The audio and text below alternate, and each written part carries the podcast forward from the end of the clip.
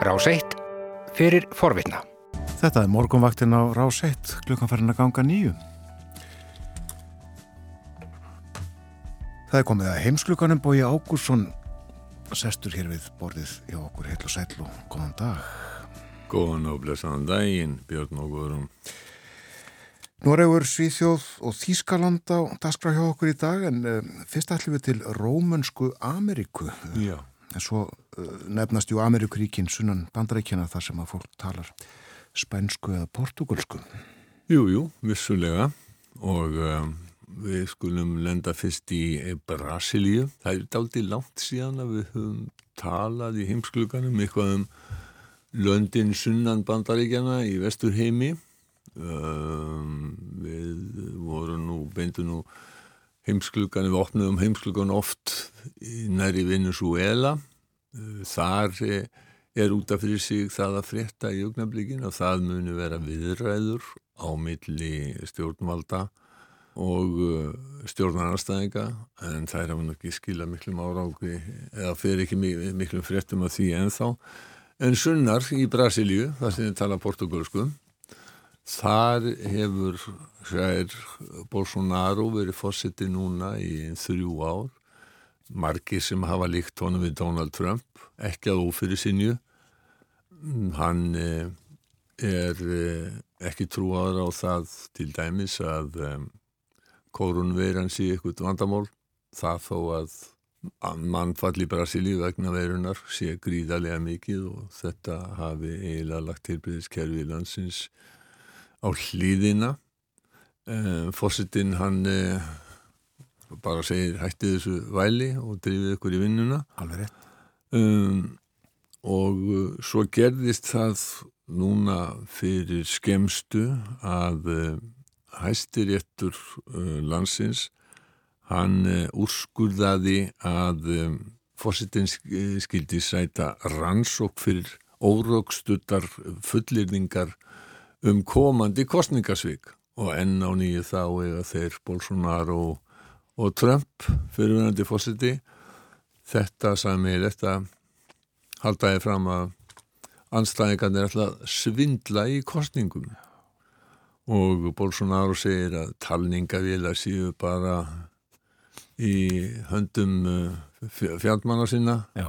og uh, það verði alveg ljóst að það verði, það verði svindla til þess að eh, taka undir með fósittanum að þá bóðu stuðningsmenn hans til mikill að funda núna fyrir nokkrum dögum þegar það var uh, þjóðtíðardagur Brasilíu.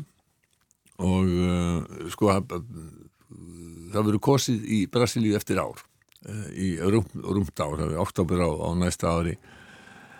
Og Það er nú, staðan er nú þannig að öfugt við bandaríkinn þar sem þetta var nokkuð tvísýnt hvor hefði sigur Trump eða núverandi fósiti Joe Biden að uh, þá uh, nýtur Lula fyrirvinandi fósiti sem ætlar að bjóða sér fram aftur. Hann nýtur miklu meiri stuðnings heldur en Bolsonaro. Þannig að ef að skoðan að kann eða væri hvort í dag þá yrði Bolsonaro undir. Mm. þetta samkvæmt, allavega samkvæmt, samkvæmt öllum, öllum, öllum konunum Já, 9% munur eða ekki á milli Jú, jú, jú ég, takk fyrir það. Ég var ekki með nákvæmar tölur um, það en það er allavega mm. mikill munur á, á, á, á fylgi þeirra. En enn og ný eins og í bandaríkjónum að þá á uh, Bolsonaro sér mjög svona staðfasta stuðningsmenn ef við getum orðaða þannig og það voru, það var gríðarlegu fjöldi sem að mætti á þessu fundi. Eh, það var á myndum sem ég sé frá Sá Pálo þá var það bara eiginlega eins langt og augað eigði sem að fólk þjappaði sér saman á þessa fundi. Og það var mikil stemming. Og þarna er greinlega fólk sem heldur ekki trúir á að koronavirun smittist mjög öðulega því að það var nú ekki við það neð svona fjarlæð á milli fólks þarna. Og fá, Einna, fá að grímur. Ekki einsmættur regla og... nei, nei, það var ekki það var, lí, það var lítið að því en einn af þeim sem að þarna mætti var João Carlos eh, Macier sem að sagði að fólk væri komið til þess að styðja fósetansinn vegna þess að hann væri í baróttu gegn skrýl sem að vildi eiðilegja Brasilíu og leiða hérna, rauðliða til eh, valda. Skulum heyra í eh, Macier. Estamos aqui hoje então para dar uma força para o nosso presidente, porque ele está lutando contra toda uma corja aí é, complicada querendo destruir o Brasil, para os vermelhos entrarem aqui. Það má heyra að þarna er uh, mikið af fólki samankomið og um, forsetin, hann ávarpaði fólk að sjálfsögðu og uh, dálítið langt klipp sem við, við ætlum að spila en það minnir uh, já, það, það gefur svo góða insýn inn í stemminguna sem er þarna og uh, svo heyri ég ekki betur en að, að fósittin og stuðningsmenn hans að þeir hafi fengið eitthvað að láni frá einhverjum stuðningsmönnum norðar uh, á nettinum því að þetta svona sumuleiti takturinn sem er reynd að ná upp þarna minni pínulítið á, á, á, á, vikingaklappi en um, meðal þess sem að Bolsonaro fórseti sagði sko var það að hann triði á líðræði og fólk vildi líðræði í Brasilíu. En það, já, og, og, kjarnin í líðræðinu væri kostningar, en það væri ekki hægt að trú á kostningasystemi vegna þess að tanningarvélar væru í höndum fjandmanna og yrðu nota alltaf svindla og enginn í yfirkjörstjórninni gæti samfært sig um það eða geti gefið yfirlýsingum það að kostningarna yrðu heðarlegar. Nú tekur við Sjær Bolsonaro og já, sennilega 100.000 stuðnismanna hans.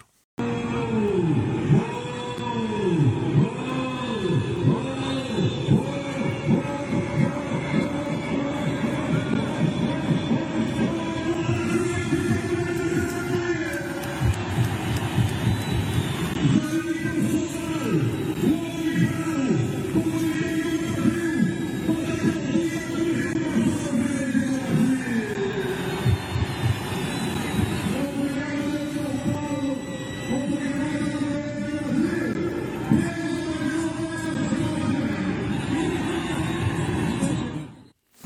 Bolsonaro, já. Já, var líf og fjör á þessum kostningafundi. Mönum það að, að býr gríðalegur mannfjöldi í Brasilíu, 210 miljónir. Já, já, það er á 300 miljón, mm. miljónir sem að, og þetta er langstærsta ríki e, í Suður Ameríku.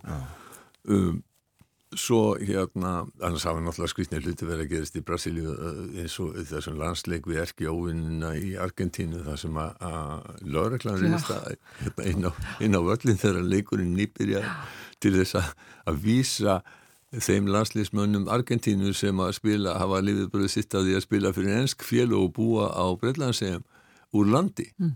Þá voru þessi menn búin að vera tvo sólar hinga í landinu og Þetta er afar, það er afar sérskennlega framganga hjá laurugluðu völdum, laurugluðu völdum þar.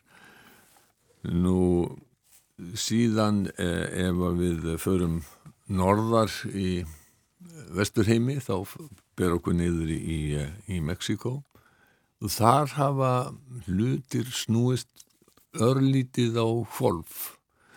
Texas sem er síðsta rík í Bandaríkjana og á landamæri að Mexiko að sjálfsögðu hefur samþygt lögum þungunarof sem að í rauninni banna það. Já og sama hvort það er þungun að völdum naukunar eða annar að glæpa. Já, það er sem sagt lögin ef að ég maður rétt að þá hveða þau áum að frá því augnabliki sem að hjartsláttur greinist þá sé eh, bannað að, að rjúfa þungun. Og sunnanlandamærarna í þessu mikla kathóska landi sem að Mexiko er, þá hafa menn snúið þessu við vegna þess að hæstiréttur Mexiko, hann hvað upp þann úrskurð að ég sko hinga til að þá hefur þungunarof fyrstu tólvíkur verið löglegt í Mexikoborg og, og, og víðar. En annar staðar í Mexiko þá hefur það aðeins verið leifilegt ef að konni hefur verið nöðgat mm. núna kom þetta upp vegna þess að um, það var sótt í, þetta var þessi mál sem kom upp í Coahuila ríki sem er nýsta ríki eða fylki í Mexiko að landamærunum við Texas. Og úrskurðu hæstaréttar var sá að það lög sem að bönnuðu þungunarof eins og var í því ríki að það, þau væru samræmdust ekki í stjórnarskrá uh, Mexiko og það þýðir de facto að lagalega er uh, þungunarof leifilegt í, í, í, í Mexiko um, og nú gæti komið upp svo skvítinn staða að uh, konur í Texas leitið söður fyrir landamæni þegar að áður var þetta öðugt þegar að uh, þær vilja rjúfa þungun af, uh, af einhverjum ástæðum. Arturo Saldivar, fórseti hæstaréttar Mexiko, hann lísti yfir því og sagði að þetta væri sögulegu dagur fyrir allar konur í Mexiko og um, vegna þess að þetta væri sögulegu dagur í jafnbryttisbaráttunni þetta væri sögulegu dagur af því að þetta virðing þeirra já, það, já, hvað ég á að segja, virðing þeirra er þið virt uh, og uh, þær gætu að öllu leiti nýtt sér uh, réttindi sín sem að væru hverðið áum í, í lögum Mexiko. Skulum heyra Arturo Saldivar. El día de hoy es un paso más en la lucha histórica por su igualdad, por su dignidad y por el pleno ejercicio de sus derechos. Það er rétt að taka það fram að, að allir hæstaritadómararnir voru sammála um þennan úrskur. Við erum ekki vöna að heyra svona yfirlýsingar eða útskýringar hæstaritadómara hér á dómum? Nei, það erum við ekki og en það er náttúrulega kemur fram raukstuðningu þó að hæstaritadómara lesi hann ekki upp, kannski, ég veit ekki, gerða það í, hæstariti hér lesa því að lesa upp dómsóliðu niðurstöðuna, niðurstöðuna uh, en þarna var hann sagt, fyrir framann uh, fréttamenn og, og, og las jáudómin og las uh, þennan úrskurðu upp. Mm. við vorum hins vegar um daginn þá mann ég eftir að þá heyrði ég í hæstaréttadómara í Danmörku sem að var að lesa upp dóm sem að bannar gengi sem að kalla er Loyal to Familia mm. í Danmörku. Alveg rétt. Uh, Ég ætla nú ekki að vera að fara mikið inn á dansk mál því að ég hitti nú Borgsvar Argrungsson hér fyrir framann og veit að hann að tala um uh, dansk málefni hérna á, á eftir á milli hálf nýju og nýju Já. En við skulum hins vegar að skella okkur uh, til Európa aftur. Og þar eru kostningar sem eru framöndan næstu kostningarna eru í Nóri en svo daginn eftir kostningunum á Íslandi þá kjósa þjóðverjar. Og það er útlýtt fyrir samkvæmt konunum í báðum ríkjónum að stjórnarflokkarnir fari illa út úr þessum kostningum og eins og við höfum nú talað um hérna þá er það já, í Þískalandi eh, aðalega vegna þess að eh, kanslar frambjóðandi Kristilegu flokkana hefur klúðrað sínum málum mjög rækilega. Í Nóri er það kannski meira að eh, stuðningssáflokkur sem var stærsti stuðningsflokkur ríkistjórnar hægri, hægri hann vilist alltaf tapa miklu en hægri tapa líka einhverju en stærsti stjórnarastöðuflokkurinn, verkamannarflokkurinn, hann, hann, hann tapar líka samkvæmt uh, nýjustu konunum. Það kom út konun í, í gær hjá uh, uh TV2 í Núri. Við fjöldum ítalega um norsku kostningarnar í uh, síðustu viku og fyrir þá sem að vilja þá er viðtal við Herdísi Sigurgrim Stóttur, stjórnmálufræðing sem býr í Núri aðgengilegt á vef okkar og í hlaðvarpi og og, og Spotify og allstaðar þar sem að eiginlega var hægt að koma stund að þessu. En e, það sem hefur breyst frá því að við rættum saman fyrir viku er það að þá, þá bentu kannanir til þess að stuðningsflokkar ríkistjórnarinnar aðrir heldurinn, heldurinn framfaraflokkurinn sem er horfin á braut uh, myndu tapa svo miklu fylgi að þeir næðu ekki við 4%. 4% er takmarkið, flokkar verða að fá 4% á landsvísu til þess að fá jöfnunarmenn. Eitthvað konnistu við þetta hér? Já, nema við erum með 5%. Já, við erum með 5%. Mm -hmm. En uh, það eru 4% í Nóri og það eru 2% í, í Danmörku. Já. En uh, uh, jafnaðamenn já tapa líka? Jafnaðamenn eru líka að tapa, já. Verkamannaflokkurinn? Og já, já ég mitt að verkamannaflokkur, sósjaldemokrátarnir þar, þeir eru að tapa umtalsverðu fylgi, sko. 3,9% frá kostningunum 2017, hæri tapar 5,3% sem er ansi mikið Já.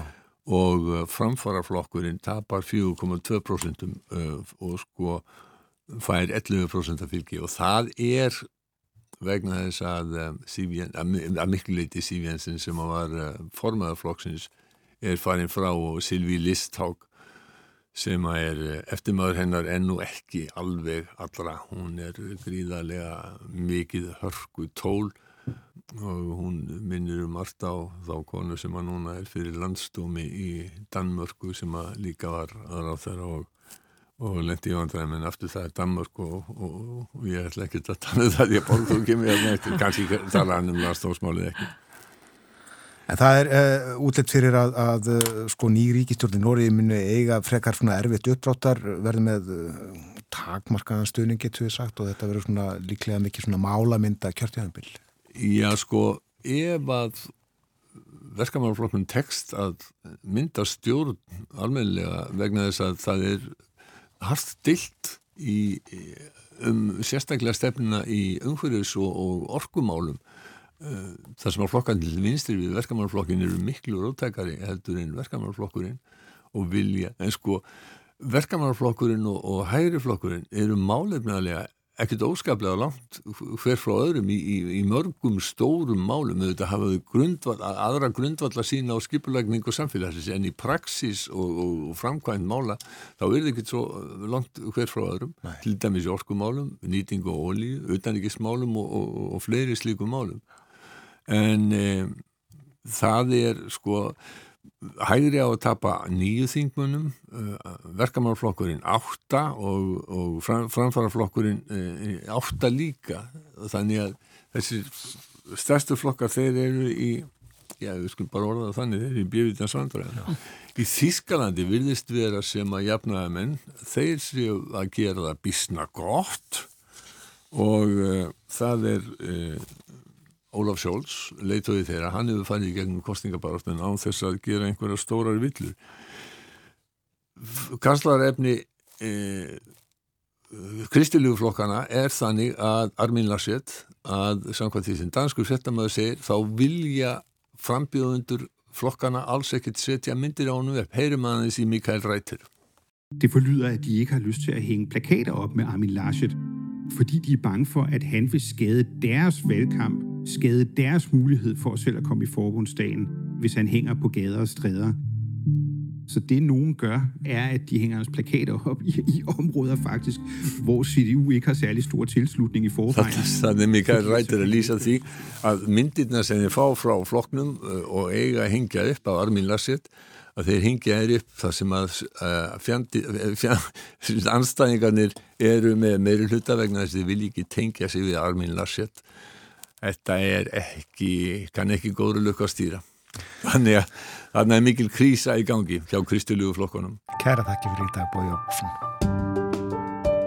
Þú varst að hlusta á hlaðvarpsþátt frá Rás 1. Ef þið langar til að heyra meira, farðu þá á rúf.is skástrygg hlaðvarp eða spilaran á rúf.is skástrygg útvarp. Rás 1 fyrir forvitna.